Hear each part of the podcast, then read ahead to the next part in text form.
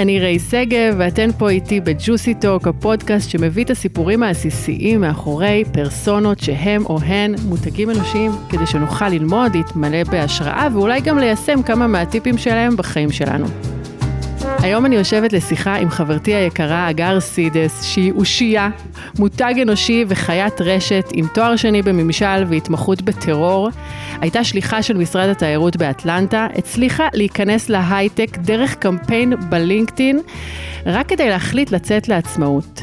היא תסביר לנו פה איך פוליטיקה, אופנה ואוכל יכולים ללכת ביחד, למה אנחנו לא צריכות לצמצם אלא דווקא להרחיב, למה היא אוהבת טיק טוק, ואיך הופכים לכוכבת בטוויטר. אגר, איך האינטרו? אהבת? יואו, זה כל כך מביך אותי.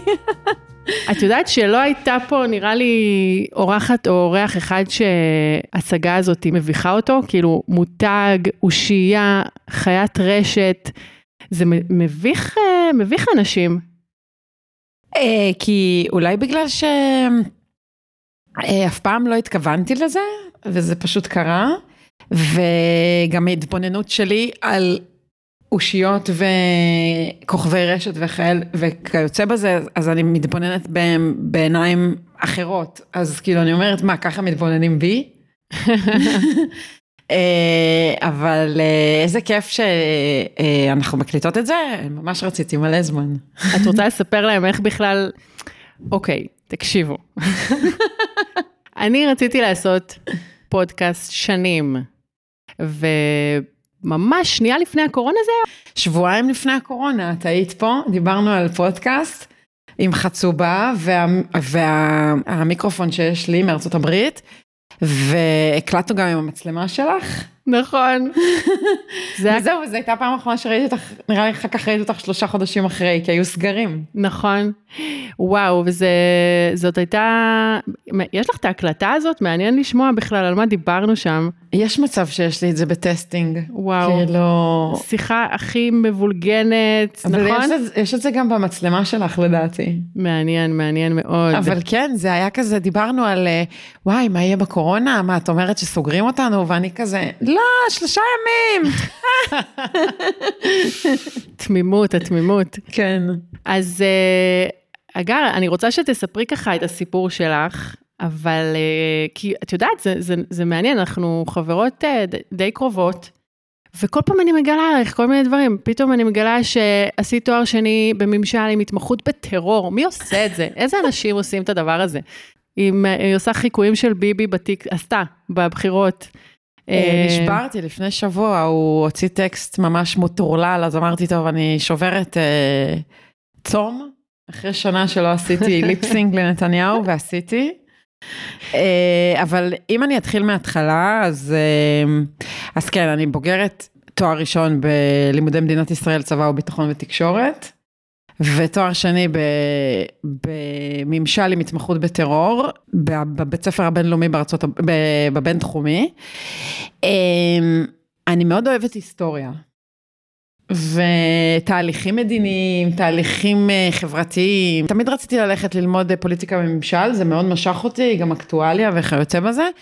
ולא התקבלתי למחלקת אה, פוליטיקה וממשל באוניברסיטת בן גוריון. ואז פשוט הציעו לי, אמרו לי, כנסי בדלת האחורית, לכי ללמוד, ללמוד במחלקה להיסטוריה. ובאמת זה היה מתוכנן, זה היה מין סוג של אה, אה, תרגיל שעשיתי, נכנסתי למחלקה להיסטוריה, אבל בתום השנה הראשונה במחלקה להיסטוריה נשארתי בה. לא עברתי לפוליטיקה וממשל. וואלה. לקחתי קורסים במחלקה לפוליטיקה וממשל, אבל נשארתי עם אה, לימודי אה, מדינת ישראל והיסטוריה של עם ישראל, והוספתי לזה צבא וביטחון ותקשורת. כן, אז... אה, ג'וסי. תגידי, ולמה לא המשכת לעבוד בזה נגיד? אחר כך? אז באותה תקופה, בתואר הראשון שלי הייתי באלעל, הייתי בשירות שלום, בטרקלין, אה, עשיתי צ'ק אין וליוויתי למטוס את אה, גדולי האומה, כמו שאומרים, ואת העולם, בין אם זה נשיאים, ראשי ממשלות, שרים. מי למשל? כמובן שהזכור לי ביותר זה שמעון פרס, זיכרונו לברכה. הוא היה מגיע לטרקלין אה, עוד בטרמינל הישן, והוא באמת, הוא, הייתה, הוא היה דמות כל כך אה, לבבית ומרשימה, הוא כשאת היית נמצאת בנוכחותו, לא היית מרגישה שזה שמעון פרס. אה, ואני זוכרת בעבר היינו מסיעים את האושיות האלה למטוס. ליוויתי אותו לטיסה לצרפת, ואמרתי לו, נעים מאוד בר פרס, אני ממש מתרגשת. והוא חיבק אותי, והוא אמר לי, חמוד. ממה את מתרגשת מיידלה? זה רק אני. אוש. ועלינו במדרגות, איש. אז היו מדרגות, ואני לא יודעת, זו הייתה טיסה לצרפת, אתם צריכים להבין, אני אנסה לתאר, תחשבו כאילו רעש במטוס, אנשים דוחפים את הטרולי ואת המזוודות ורעש וילדים וזה, והוא עולה, והמטוס משתתק. והוא לוחץ יד לכל נוסע. וואו. וזה פשוט לא, והוא, והוא יושב בקדמת המטוס כי זה ביזנס והוא חייב וגם המאבטחים וכאלה, אבל הוא, הוא לוחץ יד לכל נוסע, ילד, תינוק, אישה, איש. אבל זה היה ב-2004, 2005. כן, אז זה מה שאני יכולה לספר, אבל פסט פורוורד בתוך השנים באלעד, אז פגשתי מלא יועצים פרלמנטריים, ו, ובאמת אה, ציפי לבני ואולמרט, מלא, חיים רמון, וממש לקראת סוף התואר, שאלתי את אה, יונה ברטל, אה, לימים אה, העוזר, כאילו מנהלת הלשכה של שמעון פרס, אה, זיכרונו לברכה, אם יש לה משהו להציע לי. והיא אמרה לי, אה, את רוצה להיות עוזרת פרלמנטרית? הוא היה אז שר החוץ. ואמרתי לה, מה זה אומר? אז היא אמרה לי, הרבה הרבה עבודת נמלים ותיוק, ושכר רעב. נו מה? אז אמרתי לא. אמרתי לא.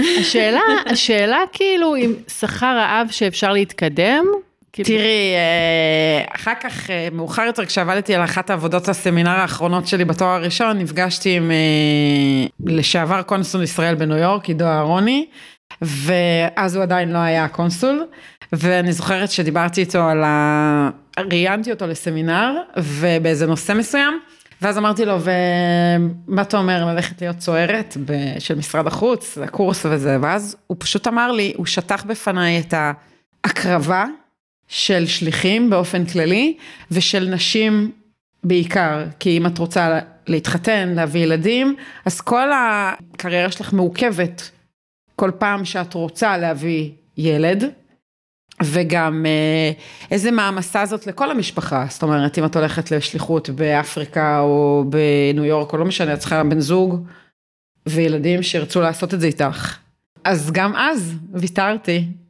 ותמיד וואו. בתחנות, זה תמיד היה שם. איזה קטע, וזה לא שאת איזה אשת משפחה עכשיו, אם יהיה, כאילו, לא תכננתי ילדים או משהו לא. כזה. זה... פשוט אמרת, אני לא רוצה להכניס את עצמי ולהגביל את עצמי? כן, וגם התמורה שמקבלים, אני לא יודעת כמה אנשים יודעים, אבל אה, יש איזו תדמית כזאת שכשאתה שליח או שגריר או קונסול, אתה חי על חשבון המדינה ואתה מדפיס כסף כזה, אה, וזה ממש לא ככה. אה, התנאים, תנאי ההעסקה של שליחים ונציבות המדינה לא עודכנו המון המון שנים. זה שכר באמת משפיל, אז יש פה המון הקרבה. ולימים מצאתי את עצמי כן שליחה בסוף. נכון, כן. בסוף אה, חיית ככה, כן. במשכורת רעב. הסתובבתי בארצות הברית בשביל אה, לקדם את ישראל כיעד תיירותי, וזה מילא אותי, אני מודה, אני, זה נשמע ממש קלישאתי, אבל לצד זה שלא הרווחתי ועשיתי מלא כסף בארצות הברית, אני יודעת שהבאתי לפה ים של תיירים וסיפרתי את הסיפור של ישראל. של אה, אם הזכרת מקודם איך אופנה משתלבת ו- ו- ואוכל, אז ישראל מפורסמת בגלל משהו מאוד מאוד ספציפי בעולם. אנחנו המדינה כל כך קטנה ואנחנו פותחים מהדורות חדשות בעולם. בעולם, זה, זה לא נורמלי, כאילו מתי אנשים שמעו על טימבקטו? כי אין שם מלחמה, ואין שם איזה מאבק, קונפליקט? מאבק ארוך שנים על, על, על פיסת אדמה. כן, את מבינה אבל שבסוריה כבר שנים, שנים יש מלחמה, ואף אחד לא מדבר על ואף אחד זה. לא מדבר על זה, והנה אוקראינה שלושה חודשים קדימה. איך את מסבירה את זה? כי זה אדמה קדושה. אה, כן, יש פה שילוב של הרבה דברים. אה, יש פה סנטימנט מאוד גדול, גדול לשלושת הדתות. ישראל מוכרת בעולם בגלל הקונפליקט בעיקר, אבל לצערנו הרב היצוא היא מאוד מאוד מוכרת בעולם בגלל, גם בגלל היצוא הביטחוני שלה. וכשאת באה ומדברת עם אנשים על, חוץ מהתדמית שיש כאילו של הקונפליקט, אבל את אומרת רגע, אבל יש את תל אביב, ויש את ירושלים, ויש את חיפה, ויש את, את המדבר, ויש את אילת, ויש פה חיים אחרים, נוספים מלבד כל הסיפור הגדול הזה שנקרא כן. ישראל. אה, ואת צריכה לספר להם את זה, בין אם זה פלאפל ושווארמה, ושאני תמיד הייתי אומרת שאני, אה, שגנבנו את זה מבני דודינו, רק פשוט עשינו שיווק טוב.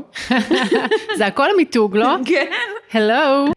אז מיתוג מדינה זה גם uh, יכול להיות מאוד מעניין, מיתוג מעסיק, את מדברת על, על זה הרבה בימים האחרונים, אז גם מיתוג מדינה זה גם סוג של אתגר.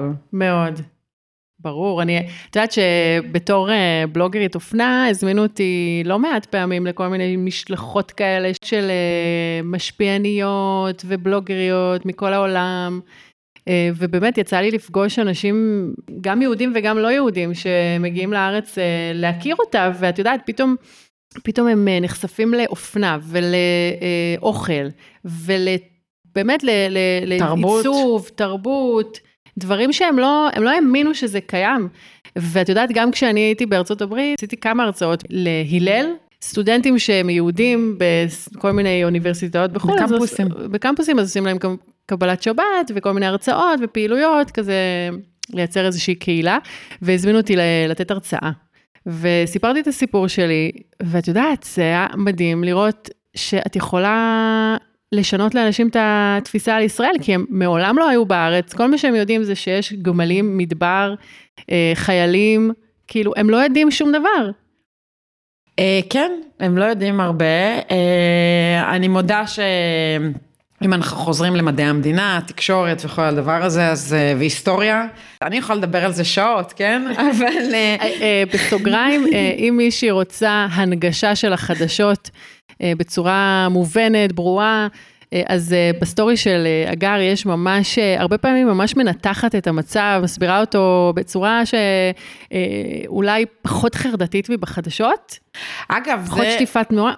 אפרופו פעילות ברשתות ואושיית רשת ודברים כאלה, אז גם זה, המהלך שלי להנגיש אזרחות להמונים, היה ממקום של ביקורת כלפי הפלטפורמות והמשתמשים שלה, כי את נכנסת לאינסטגרם, היום פחות, אבל את נכנסת לאינסטגרם לפחות בזירת ישראל, אז את רואה בלוגריות, אופנה, בגד ים, אוכל, אה, תיירות, Wellness, body positive, כאילו את רואה, אבל זה מאוד חוזר על עצמו. הייתי מאוד פעילה בפעיל, במחאה, מחאת בלפור וכיוצא בזה, ואז התחלתי להעלות משם stories.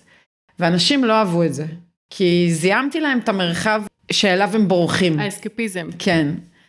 אבל, אבל יש מציאות. והמציאות היא שהילדים של כולנו מושפעים מזה, ואנחנו, והכלכלה, והעסק, והכל וזה.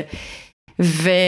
ואז היו עוד מערכת בחירות ועוד מערכת בחירות, אז פשוט אה, ביקשו ממני להסביר מה קורה.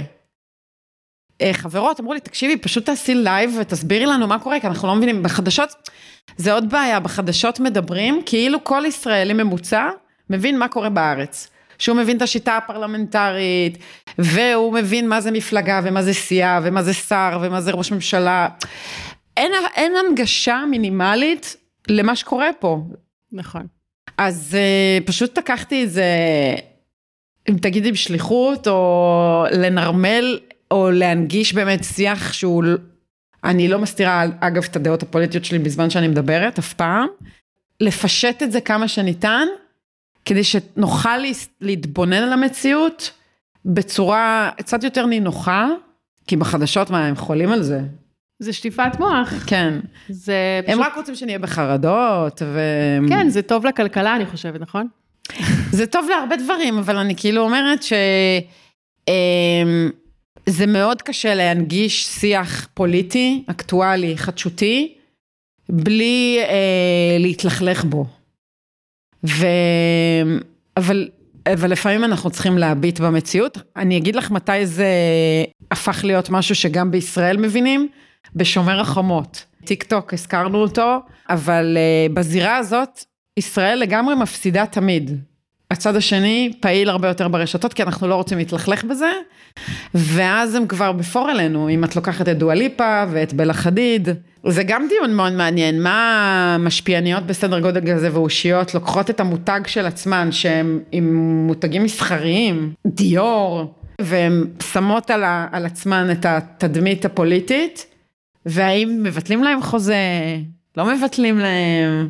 היום כבר יש יותר אה, הנגשה ב story באינסטגרם ובטיק טוק ועל על השיח הפוליטי והאקטואלי והחדשותי. אני חייבת להגיד שכל פעם שיש איזה משהו כזה, מלחמה או פיגוע או מישהו מת, לא יודעת, משהו קרה, אז uh, משתק אותי. אני לא יודעת מה לעשות, להמשיך uh, להעלות את התוכן שלי, להפסיק להעלות את התוכן שלי. את יודעת, יש לי גם לקוחות שאני עובדת איתם, יש לי גם, כאילו, אני, אני, אני מודה שזה ממש מבלבל אותי, כי אני לא מתלכלכת, כמו שאת אומרת, אולי כי אני לא מבינה בזה, אולי כי אני לא אוהבת את זה, אני כבר שנים לא צופה בחדשות, אוהד ואני, כל פעם שמישהו מזפזפ על, ומגיע לערוץ חדשות, אנחנו כזה, הופה, הופה. היה פה בלבול, מהר להעביר, אז אנחנו באמת, אנחנו מעדיפים לצפות עוד, בעוד פרק של פרנדס מאשר uh, בחדשות. ואני פשוט לא מבינה בזה, אמיתי.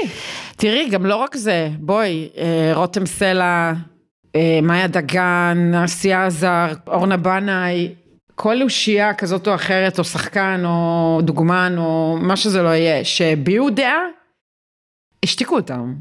כי זה לא ראוי וזה לא בסדר ויש, ויש הסכמים מסחריים ו, והציבור ואני לא רוצה, אני צופה בך כי את כזאת, אני לא רוצה לצפות בך כי את אחרת, או, או תהיי יפה ותשתקי, אל תלכלך לי את התדמית הזאת שנקראת תעשייה הזר עם הדעה הפוליטית שלך עכשיו. וזה מרתיע, זה מרתיע. כאילו למ, למ, למה שבן אדם יקבל כאלה אנרגיות? אה, אגב זה בכל שיח, גם בבאדי פוזיטיביטי אם את מעיזה לעשות משהו שהוא לא ראוי, או לכאורה לא נתפס אה, נורמטיבי, את חוטפת. כן. זה... זה ממש ללכת בין הטיפות. אז למה בכל זאת לעשות את זה? למה את בכל זאת עושה את זה? קודם כל, הטוויטר, דיברתי על זה השבוע גם עם ניר זווארו. רק שנייה, להגר יש מעל, עברת את העשרת אלפים... עשרת אלפים ארבע מאות עכשיו. אה, מהר, כן, זה עובד. כן, עכשיו זה, עכשיו זה על, ספיד, על ספידים, באמת, זה, זה מטורף. הגר אה, עברה את העשרת אלפים עוקבים בטוויטר, שזה נחשב המון, נכון? בישראל, כן. אני, כמה נגיד יש לאנשים מפורסמים? בואי תני לנו מדדים כזה. לבן כספית יש 160 אלף, אה, לברק רביד יש 170 אלף, אבל אני חייבת להגיד רק, אני, טוויטר ישראל הוא כל כך כל כך כל כך קטן, לעומת טוויטר ארצות הברית, שזאת פלטפורמה שנשיא ארצות הברית לשעבר ניהל במדיניות. זה, המושגים הם שונים לגמרי, זאת אומרת במספרי עוקבים וכיוצא בזה. בישראל זה הפך להיות מדורת השבט של התקשורת הישראלית, והמרחק שלי כאזרח מבן כספית או ברק רביד או דפנה, אה, דפנה ליאל או דנה וייס או חדשות 12, הוא כל כך כל כך כל כך קטן, שאני יכולה לכתוב משהו ואני אהיה שותף, או לצורך העניין יגיבו לי, מה שלא יקרה בחיים בפלטפורמות האחרות כרגע. Mm. אז, אבל יש עוד משהו שהוא מיוחד בטוויטר, ואני שמה רגע את הזירה הפוליטית בצד, לכתוב פאנצ'ים בלשעבר 140 תווים או 280 תווים היום, זה מאוד מאוד קשה בשביל להעביר מסר. נכון. אז פעם קומיקאים היו משתמשים בזה, זה, זה אימון מטורף על, מיצ, על uh, מיצוי מסרים. Mm-hmm. זה, אני, אני באמת, נכון, אני מצייצת פוליטית, אני, אני צייצנית פוליטית, אבל היכולת לכתוב משהו ב-280 תווים ולעשות בום, כדי שאנשים ישתפו, ויעשו לייקים ויגיבו, הוא, זה, זה אימון, זה יכולת. ממש, זה, כן. זה, זה, זה לא... בואי נדבר שנייה על מתי נכנס לטיק טוק, תספרי שנייה את, את המהלך הזה. אז קודם כל אני מכורה לרשתות החברתיות. no shit. אה, כן, אני, ואני נמצאת... היא פעילה בכל הרשתות החברתיות, יש לה פה מפה ועד... אה, אז אני בפייסבוק, באינסטגרם, ביוטיוב, בטוויטר, בטיק טוק. פעם לינקדאין. סנאפצ'אט, כן, לינקדאין, סנאפצ'אט, טלגרם, אה, סביר להניח שאם יפתחו עוד, אז אני אהיה שם, זה, זה מין... hobby אה, כזה. כן, feature. מאוד מסוקרנת, בעיקר איך לפצח את הפלטפורמה. עם טיק טוק, אוקיי, אה, גרתי בארצות הברית חמש שנים, חזרתי לפני שלוש שנים, טיק טוק כבר היה אז מיוזיקלי, כבר היה שם, וגם בארץ, אבל זה היה לילדים, או ילדות בנות 14 שעושות טוורקינג, כזה. נכון. ואני זוכרת שנכנסתי עוד בארצות הברית, וראיתי את הפיד, כזה, את הסרטונים, אמרתי, "או, לא. אני לא רואה את ה trash האמריקאי הזה, סליחה, אני לא ניקי מינאז' ולא זה, זה לא בשבילי, זה לא מעניין אותי. ו- ו- ומחקתי. ו fast forward עוד פעם, חזרתי לארץ, נכנסתי, לפני הקורונה, ואמרתי, טוב, סבבה, בוא, בוא, בואי ננסה, כזה, כאילו, ודפדפתי, ו... גם לא תפס אותך. לא, לא תפס אותי, ואז אה, קרתה את הקורונה. ו... ואז קורונה, וואו. ובקורונה אנשים נעולים בבית, יחד עם ההורים והילדים ו- ורווקים ואלכוהול ו- ו- והם מחפשים ל- ל- ל- לבדר את עצמם ולברוח ו- ולספר. אז התחילו מלא דאחקות על המצב ועל אה, על זה שאנחנו משתכרים בבתים והכל, אני מדברת על הפיד האמריקאי בעיקר. ו... כאילו מתוך שעמום, כזה גללת כן. בטיקטוק, ופתאום ואז תפס אותך. אה, ואז עשיתי סרטון. עשיתי שיר של ג'ס- ג'סטין טימברלייק, ובדרך כלל בסרטון הראשון שעושים בטיק טוק, טיק טוק נותן- מעניק לך חשיפה, ואתה מקבל כזה איזה 400 צפיות, או 500 צפיות, או 1,000 צפיות, ואתה אומר, וואו, וואו, לא עשיתי כלום. מזל של מתחילים. כן, רקדתי, אז אני אעשה עוד פעם. וזהו, ואז זה מאוד ממכר. אתה יכול להיות, להיכנס, אתה אומר, טוב, אני אסתכל על זה עשר דקות, ארבע שעות אחרי, אתה עדיין שם. אני לא הצלחתי להיתפס לזה, את יודעת? למרות שאת כל הזמן מספרת על זה, ו- והגר גם מעבירה הרצאות על טיקטוק כתופעה חברתית. חברתית. אה, אני הסוכנת שלה, סתם, אני לא הסוכנת שלה, אבל לא, מוזמנות. אה, לפנות אה, באישי, להזמין אותה להרצאות, היא באמת אלופה ומצחיקה. כן. אה, אני רק יאמר שהסיבה שבחרתי להגדיר את טיקטוק כתופעה חברתית, וזה לא רק אני, זה באופן כללי, זה מה שקורה, זה שנמצאים שם היום, המשתמשים של טיקטוק הם אה, Z, דור ה-Z, יותר צעירים מה millennials ועוד יותר צעירים, והם למעשה בפרספקטיבה עתידית, הם הלקוחות של העתיד, והם מנהלי השיווק של העתיד. והם צורכים תוכן היום בשלוש שניות. השלוש שניות הראשונות של הסרטון בטיקטוק הוא, הוא שיקבע אם הוא הופך להיות ויראלי או לא. כמובן, המוזיקה, התכ- הכיתוב והכל, אבל השלוש שניות האלה, ככה אנחנו צורכים תוכן. מטורף. ככה אה, פילה ימכרו את הסוואטשרט על נועה קירל, ועל מרג, והארטיק יהיה על, של מרגי יהיה, כאילו, כך, זהו. זה- זה- It's, it's a done deal. מטורף. ואם אנחנו לא נפנים את זה, וגם אה, מנהלי שיווק, פשוט נגיע מאוחר, וזה, וזה גם ייפסק באיזשהו שלב. כן. אבל כן, יוטיוב וטיק טוק היום, וידאו, הם השולטות העיקריות אה, ב, בעולמות ה- בזירה. הוויז- הוויזואליים. כן. אוקיי, אוקיי. אז זה טיק טוק, ששם התחלת לעשות אה, חיקויים של אה, ביבי וכל מיני אז דברים. במקביל לטיק טוק, אה, הייתי בטוויטר, משעמם, כן. הטוויטר תמיד הייתי בו, פתחתי אותו ב-2012, בגלל אה, הייטקיסטים שאמרו לי לפתוח אותו וכזה, לא כל כך הבנתי מה זה, היה, היה רק אמריקאים שם, כזה. אז שיתפתי שם את הבלוג שכתבתי בזמן שהייתי בשליחות, או תמונות מאינסטגרם וכאלה. וכשהייתי שליחה, אז לא צייצתי, ממלכתית, כזאת אני. אוקיי. אז צפיתי, ואז לאט לאט עיתונאים ישראלים הגיעו לטיקטוק, וככה קיבלתי חדשות, ככה צרכתי חדשות, הייתי נכנסת ואז הייתי יודעת, רביב דרוקר, בן כספית, אה, עמית סגל, ככה ידעתי מה קורה. לא עקבתי אחרי פוליטיקאים. זהו, חזרתי לארץ, ואז עזבתי את השליחות, אז התחלתי לצייץ, עכשיו היו לי איזה 100 עוקבים. אוקיי, ב-100 עוקבים אף אחד לא רואה מה אתה עושה. אתה יכול לכתוב דברים פרובוקטיביים או מה שזה לא יהיה, זה לחלל ריק, כאילו, זה באמת, אין, אין סיכוי. אבל התחלתי להגיב לאנשים, והמחאה התחילה להתגלגל, והבחירות וכאלה וזה, ולאט לאט ככה משכתי קצת יותר תשומת לב, פה לייק וזה. 2020 היו, התחלת אותה עם 100 עוקבים. כן. בטיקטוק, בטוויטר. וואי, אני כבר הראש שלי סלט מכל הרשתות החברתיות כן, האלה. היו איזה 100 עוקבים, ממש בקטנה.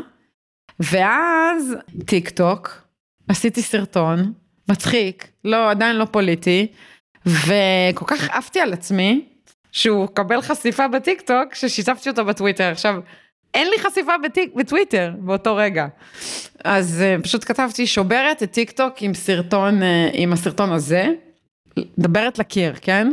ואז מישהו ראה את זה, uh, צייצן, אה, סיפרתי על זה גם ב story שלי, והוא פשוט שיתף את זה, צייצן בכיר בישראל, אה, 4,000 עוקבים, בכיר, והוא כתב, מי שלא עוקב אחרי הגר, loser.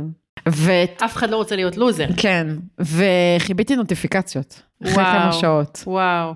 אה, זה היה משוגע. 24 שעות משוגעים, ממש אה, משוגעות בטוויטר, אה, זה קפץ ל-400 עוקבים, משהו כזה.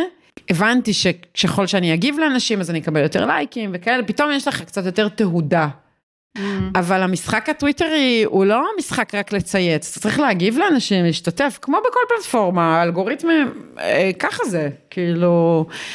אה, ואז אה, אמרתי, טוב, זה עובד, זה מביא לי הטיק טוק עם הריקודים המצחיקים שלי והשטויות שאני עושה. זה, זה משהו שאגב הבנתי אותו גם בלינקדאין, שאת, הלינקדאין, האלגוריתם של לינקדאין וטוויטר כנראה אוהבים סרטונים מטיק טוק. איך זה, איך את מסבירה את זה?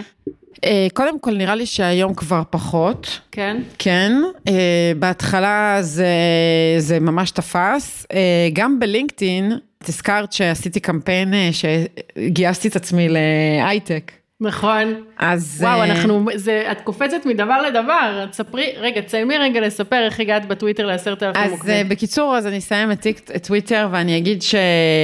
אה, אמרתי, טוב, זה תופס הטיק טוק הזה, אז אני אעשה דברים בטיק טוק ואני אביא אותם לטוויטר. נהיה כאילו צוות הווי ובידור כזה. ואז אמרו לי, תקשיבי, יש איזה מישהי אמריקאית, שרה קופר, היא עושה lip sync לטראמפ. תעשי, והיא מצחיקה רצח, באמת, כאילו אין דברים כאלה, היא קיבלה גם סדרה בנטפליקס בעקבות זה, ואמרו לי תעשי את נתניהו. אה, אמרתי, טוב, זה, זה קצת מפחיד, כאילו, זה נתניהו. regardless למה שאני חושבת וכאלה, אבל זה דמות מטורפת, כאילו, הבן אדם הכי מפורסם בישראל, אה, כאילו, עולמית. אז אה, עשיתי טסט. ושיתפתי בטוויטר, ואנשים עפו, הם אמרו, זהו, שרה קופר הישראלית, וזה, אז אמרתי, טוב, אוקיי, אז נכנסתי ממש לדמות. בטיק טוק אפשר לשים שקופית.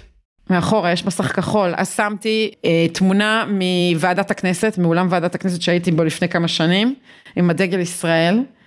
זה היה הרקע שלי כאילו ללשכה של נתניהו.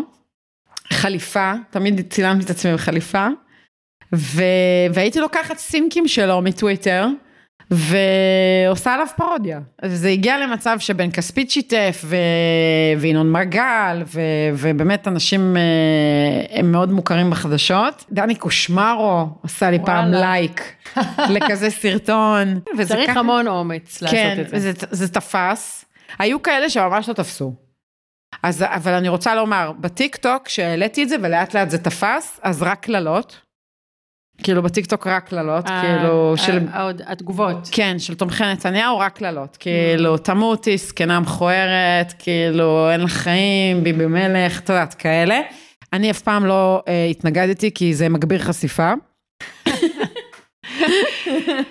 טיפ עם זהב יש פה להגר. טיפ עם זהב. אמ, בטוויטר זה, זה רץ כי זה הייתה ביקורת, זה הייתה סאטירה. מלבד ארץ נהדרת וכיוצא בזה, זאת הייתה סאטירה, הייתי עושה עליו סאטירה, הייתי מאמתת אותו עם דברים ישנים שהוא היה אומר, אה, עם פרופס שהייתי משתמשת בהם, נגיד כשהוא היה במשא ומתן עם, אה, עם ערביי ישראל, אז שמתי גלביה בקולו. באמת לקחתי את זה ממש רחוק. וזהו, ולאט לאט אה, עברו להם שנתיים, וממש לפני חודש, אה, עשרת אלפים עוקבים. אה, אה, עשית גם space, נכון? זה נקרא space? כן, אז, space עם אה, בן כספית. אז אה, אני אגיד למאזינים ולמאזינות, space זה כלי אודיו, כמו שהיה הקלאבהאוס. אנשים פה לא, לא נראה לי מבינים, אבל אה, מי ש... זה feature של. של אה, טוויטר שאפשר להיכנס ולהאזין גם אם אתם לא בפלטפורמה. סוג של תוכנית רדיו, פאנל, פודקאסט, אתה יכול כן. לארח עד עשרה ספיקרים. זה בלי וידאו אבל. לא, רק וכולם אודיו. יכולים להאזין לכם, כאילו, עכשיו בגדול זה אפילו סוג של מציצנות באיזשהו מובן, כי מדבר, יכולים לדבר שלושה אנשים ורק מאזינים להם כל השאר, כאילו, הם Mm. יכולים לרכל, הם יכולים לדבר על... זה כמו תוכנית רדיו. כן. אז uh, בקיצור, אבל בתוך הטוויטר. כן, אז uh, הייתי בין הראשונים שנפתח להם הפיצ'ר הזה בישראל, בתור, במסגרת הפיילוט, אז עשיתי מלא. uh, עם חרדים ועל רווקות. ו- רווקות מאוחרת, למה? כי סמוטריץ' היה לו באחד הקמפיינים שלו של הבחירות, הוא רצה לטפל ברווקות מאוחרת של בני, אה, בנות ובני ישראל. אז עשינו על זה space. מה זה רווקות מאוחרת במגזרים מסוימים ובחברות מסוימות, זה מאוד מעניין. מאוד מעניין. כן, למדתי המון. ואז הזמינו אותי לערוץ 20, והתחלתי להגיש פינה. ואז הזמינו אותי לערוץ הכנסת. אה, אילולא האודיו ששומעים אותי, אז סביר להניח שלא הייתי מגיעה לטלוויזיה. זה, זה אחלה אודישן, נכון. זה אחלה אודישן. ו, וזהו, ו- ואז גם- והתחלת בעצם אה, להגיש פינה שבה את מספרת על ה highlights של הטוויטר, נכון? או של הטיקטוק? אז אה, דוקטור לא- רני זובדה, שמגיש את אה, תוכנית משכן לילה בערוץ הכנסת, אה, זה סוג של המהדורה המרכזית בערב שלהם. הוא הזמין אותי לפאנל, בדיוק לפני שנה, השנה חגגתי שנה. הוא הזמין אותי. לפאנל, כן, ציינתי שנה שהוא הזמין אותי פעם ראשונה לערוץ הכנסת, וחזיתי שם את הממשלה. או-אה, כן, את. הקמת הממשלה. עתידנית, עתידנית את. אבל אז הוא הזמין אותי לעוד פאנל ועוד פאנל, ואז הוא הציע לי להגיש פינה יחד איתו, שאנחנו מביאים היילייט של הציוצים הכי מגניבים או מצחיקים או מוזרים בטוויטר, בכל העולם, ומנהלים על זה איזה סוג של דיון, איזה עשר דקות אייטם כזה. אז עשינו מלא צחוקים, והיינו רציניים, והיינו ציניים, והיינו סרקסטיים. אני מודה שאני מאוד מתגעגעת לטלוויזיה. לקחתי קצת ספרי, הפסקה. את יודעת, יש, יש הרבה מאוד אה, נשים שאני מכירה שהיו רוצות איזה פינה, משהו כזה אני בטלוויזיה. זוכרת שסיפרתי לך שזה הולך לקרות. בכלל, באופן כללי, כשכל כל פעם שקרה לי משהו כזה, אז את אמרת לי, תגידי, את קולטת שאת הולכת לטלוויזיה? את קולטת שאת מראיינת את בן כספית? את- ואמרתי, זה- אגר, נשים מגיעות אליי והן רוצות לעשות את זה, ו- וזה לא קורה. אז בואי, אנחנו נדבר על זה, אבל בואי, נגיד עכשיו, מישהי רוצה פינה בטלוויזיה.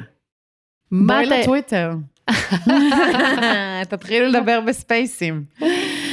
כאילו צריך לעשות את האודישן הזה, צריך בעצם להראות את סוג התכלית של מה את מסוגלת, נכון? זה הסיפור. כן, ואם אני חוזרת למה שאמרתי בהתחלה, המרחק בטוויטר בין התקשורת הישראלית Mm, לאזרח הרגיל היא מאוד מאוד קטנה. זאת אומרת, הסיכוי שאני אעלה לספייס שבו מדבר אה, עיתונאי מגלובס, עורך, שוקן מהארץ, הוא גם בטוויטר, אה, נווה דרומי, באמת, כאילו, מגוון רחב של אנשים, אם אני, יש סיכוי מאוד גדול שאני אזכה לנהל איתם דיון, או לשאול שאלה.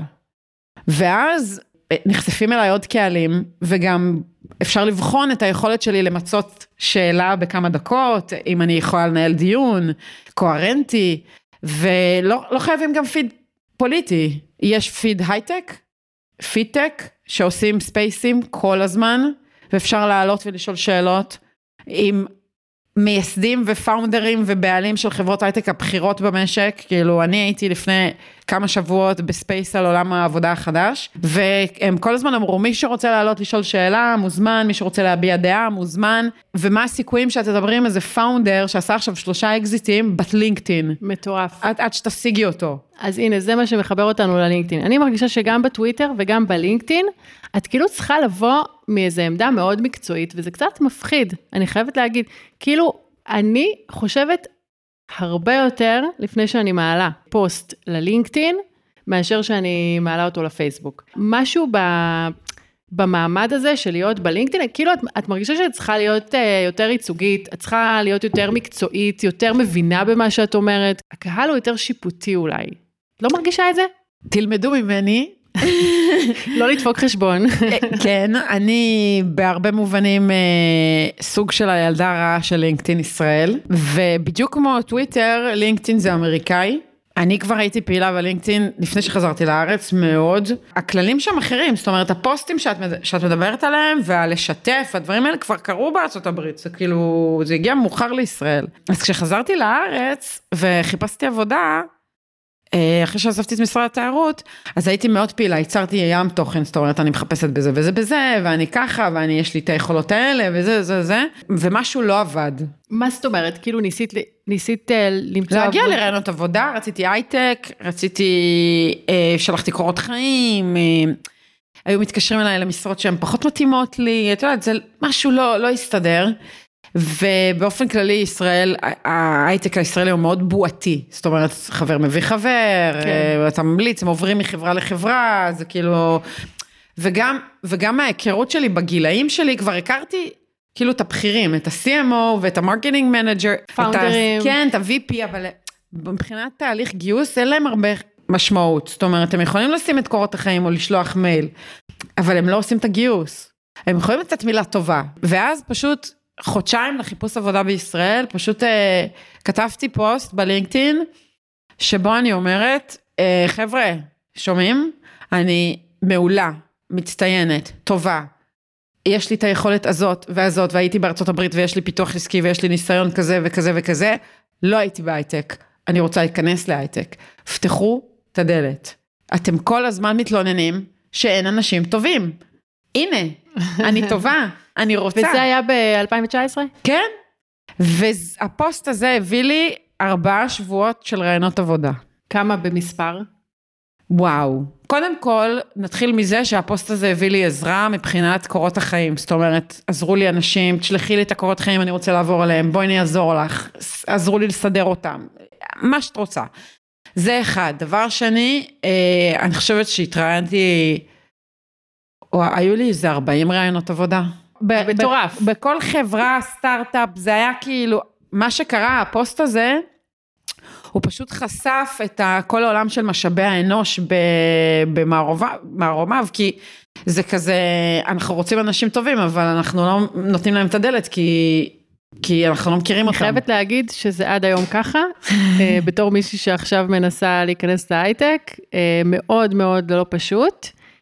יש כן איזושהי תנועה לכיוון, כן אומרים שנותנים צ'אנס, אבל בתכלס מאוד מאוד מאוד קשה להיכנס. ברגע שאני אמצא עבודה אני אספר לכם, אבל בינתיים אה, אני מקבלת הרבה לא. בואו נזכיר שהקמתי ומנכלתי סוכנות ששינתה את אה, פני אה, תעשיית האופנה בארץ, כן? זה, זה מדהים, כי את מדברת עוד, עוד על, על זה שאת כבר מנכ"לת, פאונדר, עשית קמפיינים, ישבת בשולחנות עם חברות מסחריות, כאילו מי לא ירצה לדבר כזה בחברה שלו? הוזמנתי לכנסת, אה, אני כל, אני משפיענית. היית בעולם, דברים כאלה, ואני מדברת איתך ברמה שזה, אני יושבת מול מגייסות בזמנו, הן לא מבינות מאיפה נפלתי עליהן בכלל, עם כל הרעיונות שיש לי וכל הזה, ואז את יכולה לעשות בשבילנו איזה משימה? ואני אומרת, מה משימה? תסתכלי על קורות החיים שלי, זאת המשימה שלי, 15 שנה עבדתי בשיווק. הם רוצים, תכלס, הם רוצים uh, שתעשי להם כבר איזה תוכנית, שהם כן, יוכלו כבר uh, להשתמש בה. זה קרה לי גם, שעשיתי תוכניות לחברות ברעיונות, ואז ראיתי את זה ממומש. זה נורא מזכיר לי, כשהתחלתי, כשרק פתחתי את העסק בגיל 22, 3, אה, ניסיתי להיכנס לתעשיית הקולנוע, זה גם היה קשה, תעשיית הפרסום. כן. רציתי לעשות פרסומות, כי אמרתי, שם אני אוכל להתפרסם, להתפרנס טוב. זה היה ממש אותו דבר. את יודעת, הם היו מבקשים שאני אציע הצעה למכרז, ואז אחר כך ראיתי את ההצעה שלי בפרסומת, פשוט אה, אני לא עשיתי אותה, מישהו אחר עשה אותה. טעות של מתחילים. אז בקיצור, אה, הצלחתי אה, למצוא עבודה, עבדתי בחברת הייטק, התחלתי כג'וניורית, הייתי מוכנה להתחיל מההתחלה, כדי שרק יכירו אותי ואני אכיר את התחום וכאלה. מנהלת אירועי שיווק, וזהו, ואז באמת נכנסתי לזה, עדיין המשכתי עם הטוויטר, אבל קורונה, שוב, אנחנו חוזרים אליה, למגפה. אין אירועי שיווק, כולנו בבתים, שחררו אותי. ואז אני מזכירה שהייתי פעילה בטיק טוק, אז כדי לגייס את עצמי לחברות חדשות, אה, התחלתי לעשות סרטונים בטיק טוק, בעולם העסקים, שאני כאילו מגייסת את עצמי, אה, ומשתפת את זה בלינקדאין, כדי לבלוט, כי מלא חיפשו עבודה, אני צריכה איכשהו לתפוס את העיניים של אנשים. כן. אז אמרתי, אם לפני שנה כתבתי פוסט בוטה וזה, אז עכשיו אני אעשה כזה, איזה מין דחקה כזאת, ואז זה יתפוס. וזה תפס, זאת אומרת, זה, זה, זה תפס יותר ממה שחשבתי, כי בעקבות התוכן שייצרתי, התחילו לבקש ממני ייעוץ לתוכן. הרצאות, ייעוץ. כן. עזרת לי עם ההקמה של ה role models. אז, אז, וככה נולד העסק שלי. בלינקדאין, אני מבינה את מה שאמרת קודם על הסנוביזם, או המתנשא, כן. או אתה לא רוצה לכתוב משהו שאתה לא מבין בו. את יודעת, אני זוכרת את המשטור הזה, גם כשהייתי בתוך תהליכי גיוס, שכתבתי על האימיילים האוטומטיים שאתה מקבל. כן. זה לא אתה, זה אנחנו. אה, עברנו על קורות החיים שלך, לא מצאנו לך משהו מתאים, אנחנו ממשיכים עם other candidates וכאלה. ואני זוכרת שפרסמתי איזה פוסט על זה, על הביקורת, זאת אומרת, מילא על המייל האוטומטי, אבל גם על התוכן שלו. בואנה, בן אדם ישב, כתב קורות חיים, סידר אותם בשביל המשרה הנכונה, סידר את המילים, הכל, כתב מכתב מקדים, הוא שם אנרגיה שם.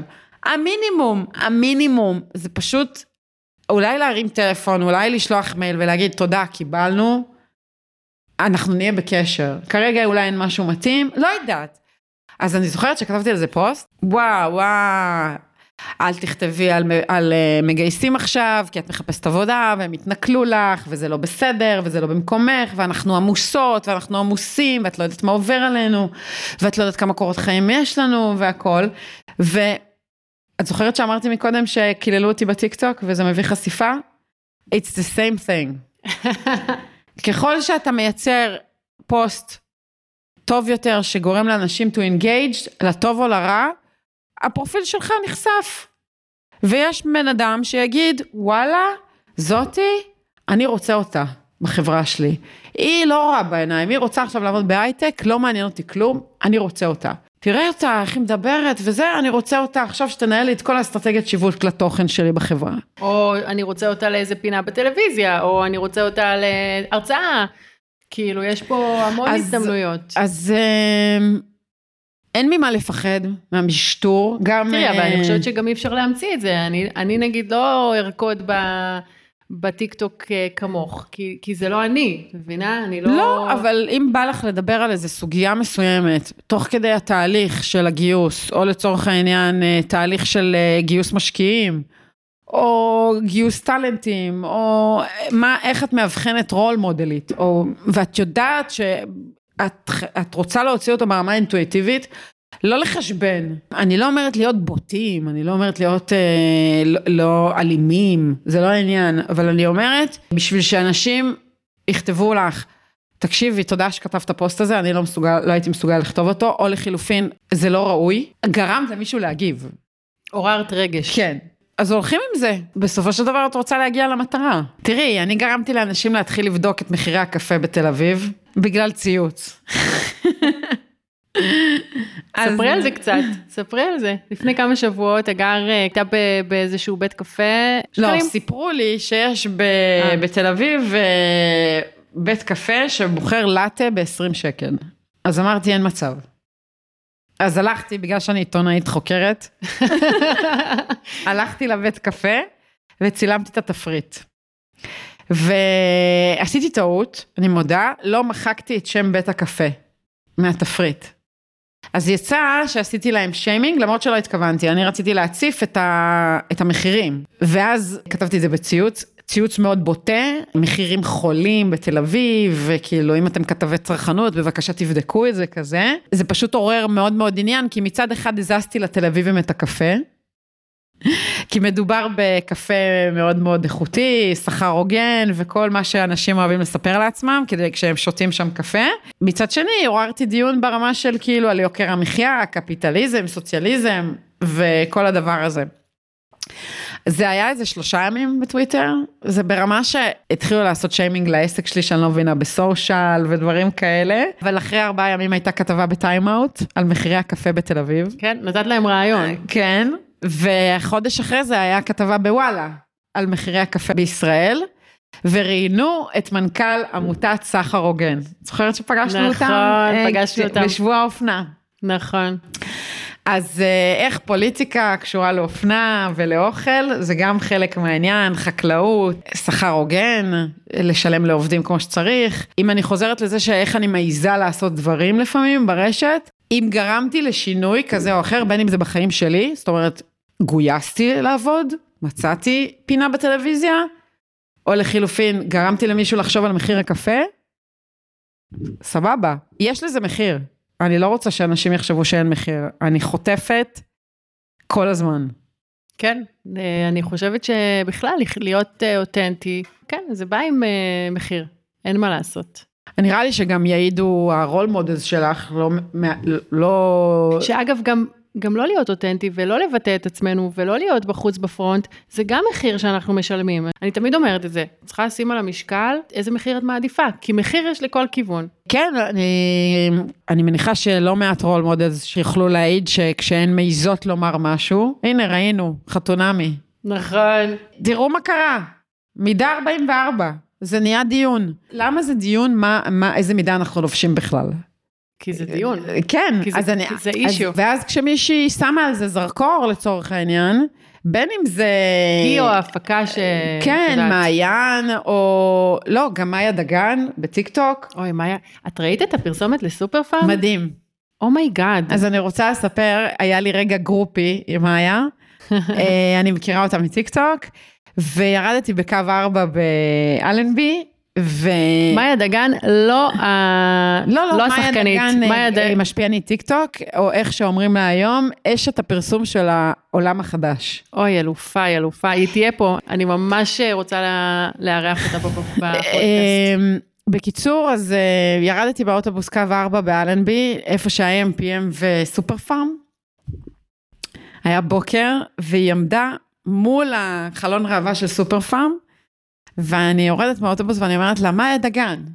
אז היא מסתובבת, אז אמרתי לה, אגר מטיקטוק, נעים מאוד. אז היא אומרת לי, זה היום הראשון שהפרסומת שלי של סופר פארם באוויר, תראי אותי. איזה מאמי. לא. בחלון, היא באה לצלם את עצמה בחלון ראווה, ואני אני כל כך התרגשתי בשבילה, אמרתי לה, את מהממת, את מותק.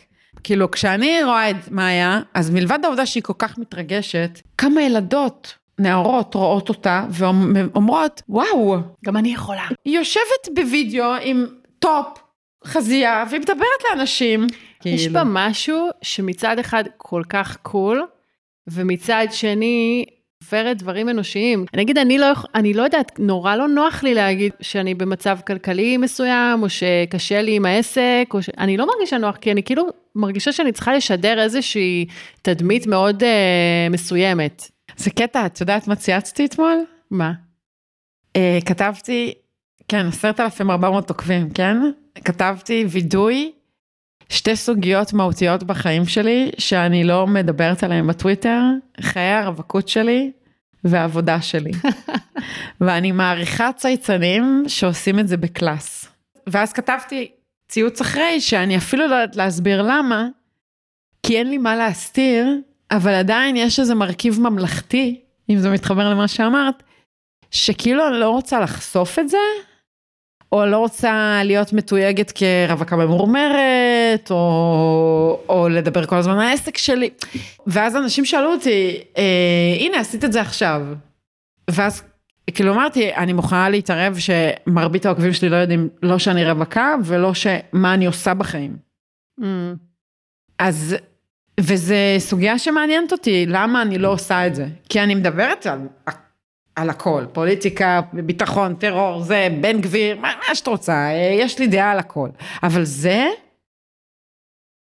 וואו, מעניין, מעניין מאוד. אז עם מאיה, אני מקנאה בה קצת. אני גם, אני חייבת להגיד לך שאני רואה אותה ואני אומרת, וואו, הלוואי עליי קצת מה, מהדבר הזה, מהאיכות הנקייה הזאת. מבינה מה אני אומרת? כן, כשעשיתי את ההרצאה של אה, טיק טוק כהשפעה חברתית אצל אה, קארין, אה, אז הראיתי סרטון שלה, כשרציתי להמחיש לאימהות מה המשמעות של מאיה דגן בטיק טוק ל- לנערות.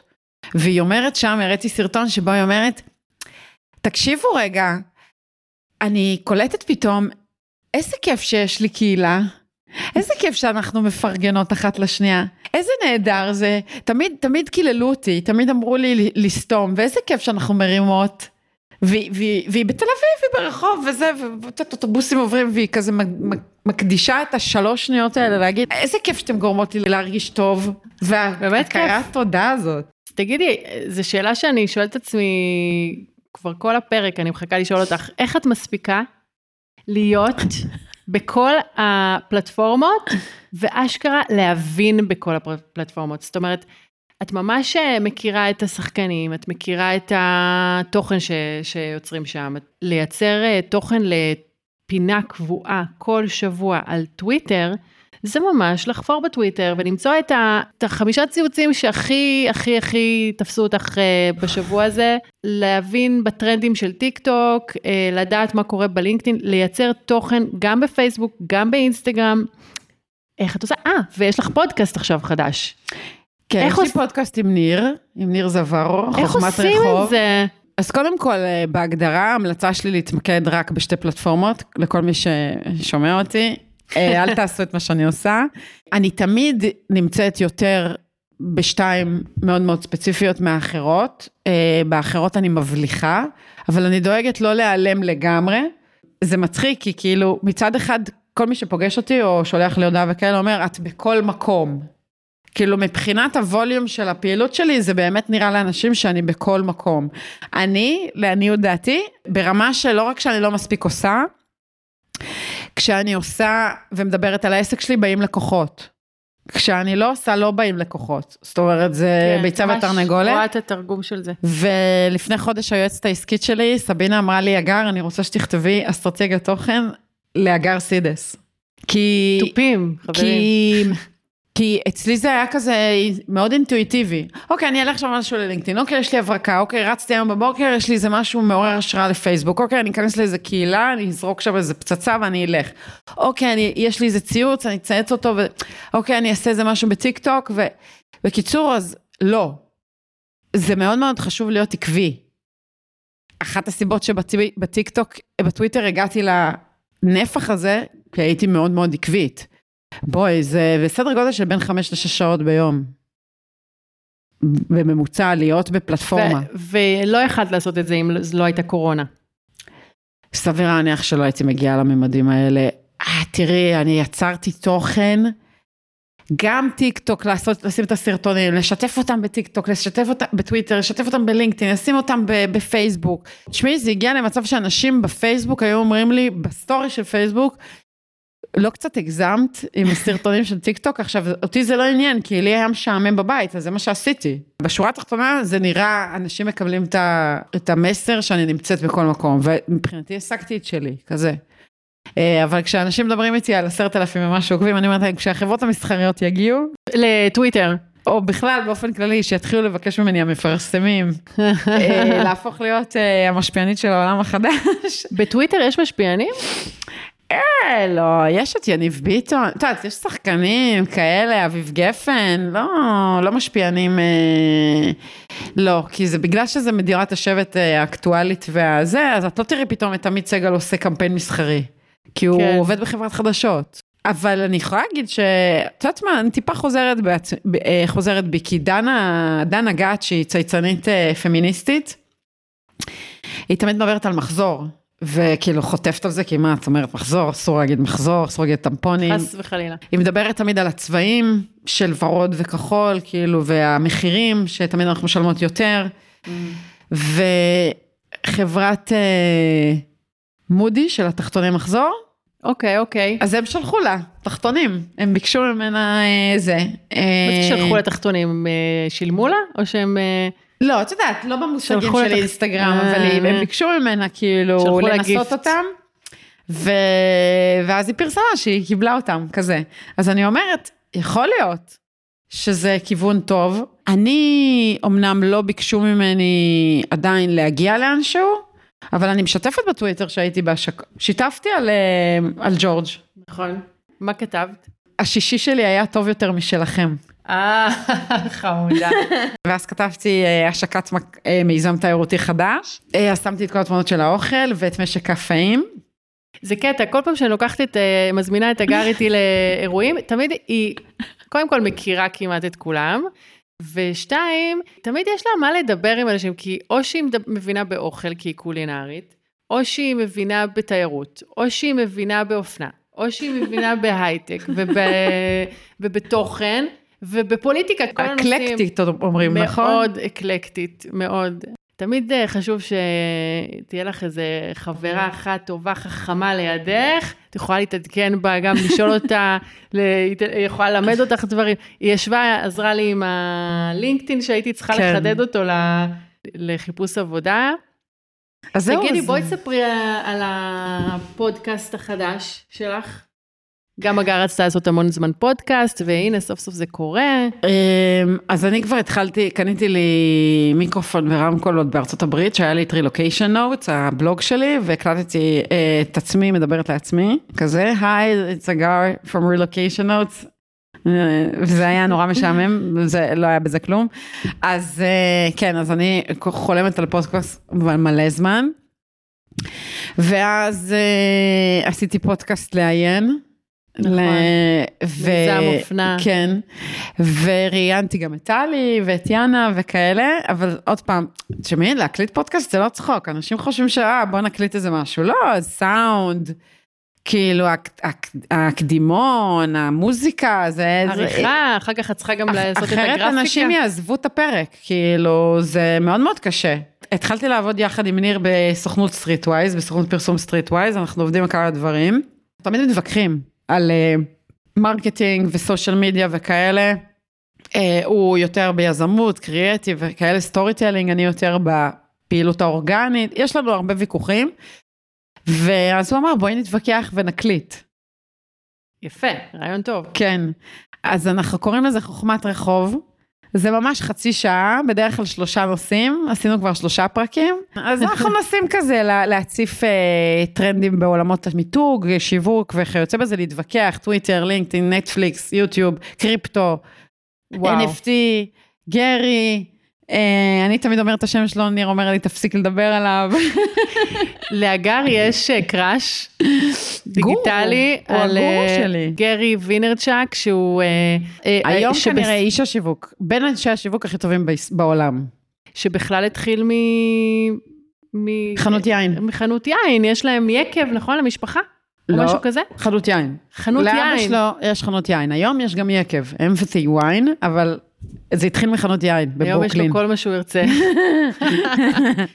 אבל לא, הוא באמת, באמת אה, סופר, אין, הוא גאון, כאילו בואי, הוא פשוט גאון. אבל כן, אני, אני כאילו כל פעם כזה... הוא תמיד נראה כועס אבל. את אוהבת את זה, אה? זהו. עושה לך את זה. אם יש, אה, דיברתי אתמול, דיברתי קודם על הסוג תוכן שלי, אז כן, אני אוהבת שגרי אה, הוא the bad boy, כאילו, והוא אומר the F word every time כזה, ואני מתה על זה, כאילו, הוא מביא, הוא, אבל הוא מביא תוצאות, כזה, כאילו, כן, כן, הוא, הוא מנער אנשים. אז אה, כן, רק לפני כמה שבועות שיתפתי בסטורי, סרטון שלו שמישהו שאל אותו, איך אני מתעלם מהרעש שמסביב, אז הוא אמר, תפסיק לחיות כאילו אתה בתיכון. אנחנו לא בתיכון, סיימנו אותו. אוקיי. בואי, אולי תני לנו איזה תחזית. לאן העולם הולך אה, דיגיטלית? מה, מה, מה הולך להיות פה? אה, אז קודם כל, אה, כמו שאמרתי, אה, טיק טוק ויוטיוב, זה העתיד ברמה המסחרית אה, אה, לכל מה שקשור כאילו ל visual. אה, עובדה, אינסטגרם אה, מנסים עם Reels להדביק את הפער, אבל אה, הם לא הצליחו. כאילו, טיק טוק... אה, זה לא זה. טיקטוק אה, בעלייה משוגעת. לא רק שהוא בעלייה משוגעת, ה... היכולת שלו אה, לערוך סרטונים בצורה באמת אה, כל כך נוחה ואינטואיטיבית, והספרייה, הספריית מוזיקה, זה הזכויות יוצרים, זה פשוט אה, באמת יתרון אה, משמעותי ש, שלאינסטגרם יהיה מאוד קשה, גם, מה גם שאינסטגרם מכילה בתוך עצמה פיצ'רים אחרים, זאת אומרת, סטורי ואת הפיד, שהיא לא יכולה להשתלט על הכל, כן. כאילו, ולעשות את זה טוב, mm-hmm. כזה. אז כן, היא מנסה לשמר את היוזרים שכבר נמצאים, כדי שלא יזלגו, אבל מבחינת דור העתיד והעולם שבו אנחנו הולכים, גם המשפיענים של טיק טוק, אם זאת צ'ארלי, בת 16, מיליארדרית כבר, את יודעת, כאילו, אה, ג'ניפר לופז משיקה שיר בטיק טוק. מתי פעם שמעת שג'ניפר לופז השיקה, השיקה שיר באינסטגרם? לא. נכון. אז אה, NFL, NBA, קוקה קולה, כאילו, אין, זה ה... זה, ויוטיוב, אה, בדיוק הייתה לי שיחה על זה עם ניר בחוכמת רחוב, אה, שנטפליקס אה, בבעיה. אה, המפרסמים, אין, אין כסף, אה, כי אין פרסומות, הם התחייבו למודל ללא פרסומות. בקורונה אנשים צרכו כל כך הרבה, שאין, נגמר הספרייה. כאילו, אנשים כל הזמן מתלוננים שאין מה לראות בנטפליקס. כן. ולעומת זאת, שאתה שם את זה מול יוטיוב, ביוטיוב יש כל הזמן תוכן. אנשים כמוני וכמוך מייצרים סדרות על אוכל, על תיירות, על פוליטיקה, על, על מה שרוצים. כן. ואי אפשר להתחרות בספרייה כזאת. אי אפשר.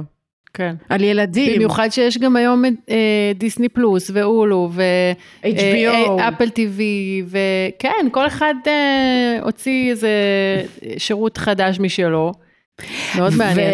ובאשר לטוויטר, אני לגמרי חושבת שהיא לא הולכת להיעלם. קודם כל, יש את עניין אילון מאסק, שהחליט לקנות אותה אה, לפני כמה שבועות, ו... כן, אבל זה הוקפא. כן, אבל זה לא משנה, זאת אומרת, מבחינת המשמעות של טוויטר, כן. ברמה הגלובלית, היא, היא לא הולכת להיעלם, מה גם שטוויטר עצמם מפתחים מלא מלא כלים חדשים, אם זה טוויטר Communities שהולך להגיע, הוא כרגע בהרצה, אז זה כלי שהולך להתחרות בפייסבוק Communities, כאילו במטא. אה, כן, אני ממש מחכה, כאילו יש כאלה שקיבלו את הפיילוט, אני עדיין לא, אז אני ממש מחכה, כאילו, תחשבי שאני באמת מיישמת הלכה למעשה, קהילה לעוקבים שלי. כאילו זה שלב הבא, כאילו, אני יכולה להפוך להיות משפיענית for real, כאילו, כן. ממש. נגיד אני משיגה משהו מגופים מסחרים, אומרת זה לקהילה שלי בטוויטר. ו Space, שאתמול היה Space של ניו יורק טיימס, והשבוע היה Space אחר שסיפרו לי ופספסתי, את, את תעופי עכשיו, היה Space של ניו יורק טיימס על body positivity. וואו. והמודל, ה-case study היה Spice Girls. די. ואת מי הביאו לדבר? את מלני סי. וסיפרו לי על זה בדיעבד ואמרתי, איזה מה, אדיר. איך פספסתי את זה, איך כאילו. פספסנו? ו- ילדות ה Spice Girls. אבל עדיין, תחשבי על זה שמנהלים פאנל שלם ברשת חברתית, שזה ללא אמצעי, כאילו, זה לא broadcast. זה לא מוקלט? סביר להניח שכן, שהם הקליטו. אפשר להקליט אה, ספייסים, אבל תחשבי על זה, הקנה מידה של ניו יורק טיימס, מביא movement כאילו לשיחה כזאת, ושלא יקרוס, זה, זה, זה יכול להגיע לסדר גודל של עשרת אלפים מאזינים, בנקודת זמן מאוד וואו. מאוד ספציפית. אתמול אה, טוויטר ניהלו אה, Space על קריפטו ועל סייבר וכאלה, על פריצות של הפלטפורמה. אין, כאילו הם באמת לא הולכים להפוך להיות ללא רלוונטיים, הם, הם יישארו. אז טוב, אני מתארת לעצמי שמי שרוצה לשמוע עוד מהגר, אז יש גם בכל הפלטפורמות, בטוויטר ובאינסטגרם ובפייסבוק ובטיק טוק ובלינקדאין. יוטיוב עדיין לא. לא, יש לי ביוטיוב כי אני מעלה משם את הקטעים מערוץ הכנסת. אה, אוקיי, אוקיי. והפודקאסט החדש, חוכמת רחוב, תחפשו אותה. כל כך הרבה ידע, שבאמת, כאילו, זה לא יכול להיכנס לנו לפרק אחד, גברת. לא. מה היית רוצה שיקרה? מה, מה החלום שלך? קודם כל, אני, החלום שלי זה בית באיטליה. אני עובדת על זה, ואני רוצה להוציא עד אז שני ספרים, כן. אז אחד מהספרים זה יהיה ה-relocation, הבלוג, mm. אני אגיד אותו לספר אחד, שזה סוג של יומן מסע או ממואר כזה, mm-hmm. של המגורים שלי בארצות הברית. והספר השני נראה. מעניין מאוד. איך כן. את משלבת פוליטיקה עם התמחות בטרור, סושיאל מדיה, את uh, הפיצה של uh, פפה. אומייגאד. Oh תקשיבו, אגר גם מכירה כל מיני זכיות חמדה כאלה ב- באיטליה ובצרפת וביוון, וכאילו... יש לנו תוכניות לאוהד ולי כן, להצטרף כן, אליה כן, לכל כן. מיני טיולים uh, בעולם. תקשיבו, ידע זה כוח. אמרתי בהתחלה, פתחתי בזה שאני אוהבת היסטוריה. Mm. היסטוריה זה סיפורים, כאילו, לא משנה כמה אנשים ידברו על זה, היה השבוע ויכוח על זה בטוויטר, על מדעי הרוח והחברה ועל כמה זה, שזה לא חשוב. ו... הראש החוג שלי, אני אחתום עם זה, ראש החוג שלי בהיסטוריה, כשסיימנו את התואר, אמר שגם איינשטיין קרא ספ, ספרי היסטוריה לפני שהוא הלך לישון. אז uh, פשוט כן, תקראו פ- ותלמדו ותקשיבו. כן, ותספיקו לעשות את זה תוך כדי גלילה באינסטגרם. אגר, את פשוט, אה, וואו, אנציקלופדיה, אה, או, או את יודעת, מעיין אה, נובע בלתי נגמר של, אה, כן, של, של אה, כן, פנינים. לא, לא דיברנו על הסכם הגרעין. לא, אני יודעת שגם על זה יש לך מה להגיד, אז... אה, מדיניות חוץ וזה. אה, נמצא כבר דרך אה, להעביר את הידע הזה הלאה למאזינות המהממות שלנו. וואלה, היה לי כיף, תמיד כיף לי איתך אבל, ואני אני באמת אה, מקווה שקיבלתם איזה, איזה כמה טיפים על אה, יצירת תוכן שהיא לא סטנדרטית, שהיא יצירתית, שהיא אחרת, שאיך... איך, אה, שיכולה להביא תוצאות. שיכולה להביא תוצאות, שהיא אותנטית, אה, איך להתמודד באמת עם הביקורת. וואו, אני אפילו לא יודעת ל- כאילו לשים את האצבע על באמת, את יודעת, כאילו זה באמת, נגענו פה בכל כך הרבה עולמות, אבל uh, זה בטוח uh, היה אותי, אני, ריתקת אותי, כמו שאת תמיד עושה. אז אמרנו, תעקבו אחרי הגר, אם אהבתם את הפרק הזה, תשתפו אותו עם חברות. כן, תשתפו, ותעקבו- תשתפו. תעקבו אחרי הפודקאסט, תפעילו את הפעמון הקטן. אה, ואני נמצאת באינסטגרם, בפייסבוק וגם בלינקדאין כרגע. מוזמנות לשם, ואנחנו נתראה בפרק הבא. תודה. תודה, גר. תודה גם על, ה... על, כל, השנה... על כל השנים האלה שאת uh, מלווה. לא, תקשיבי, כי. גם הנוכחות uh, uh, שלך בחיים שלי uh, הביאו אותי לעשות הרבה דברים שקשורים למיתוג עצמי. מורידה את זה בעריכה, סתם. תודה. אבל- אבל כיף, כיף, כיף להתארח, ו... ואולי יהיה עוד פרק. אוהבת אותך. גם אני. יאללה ביי.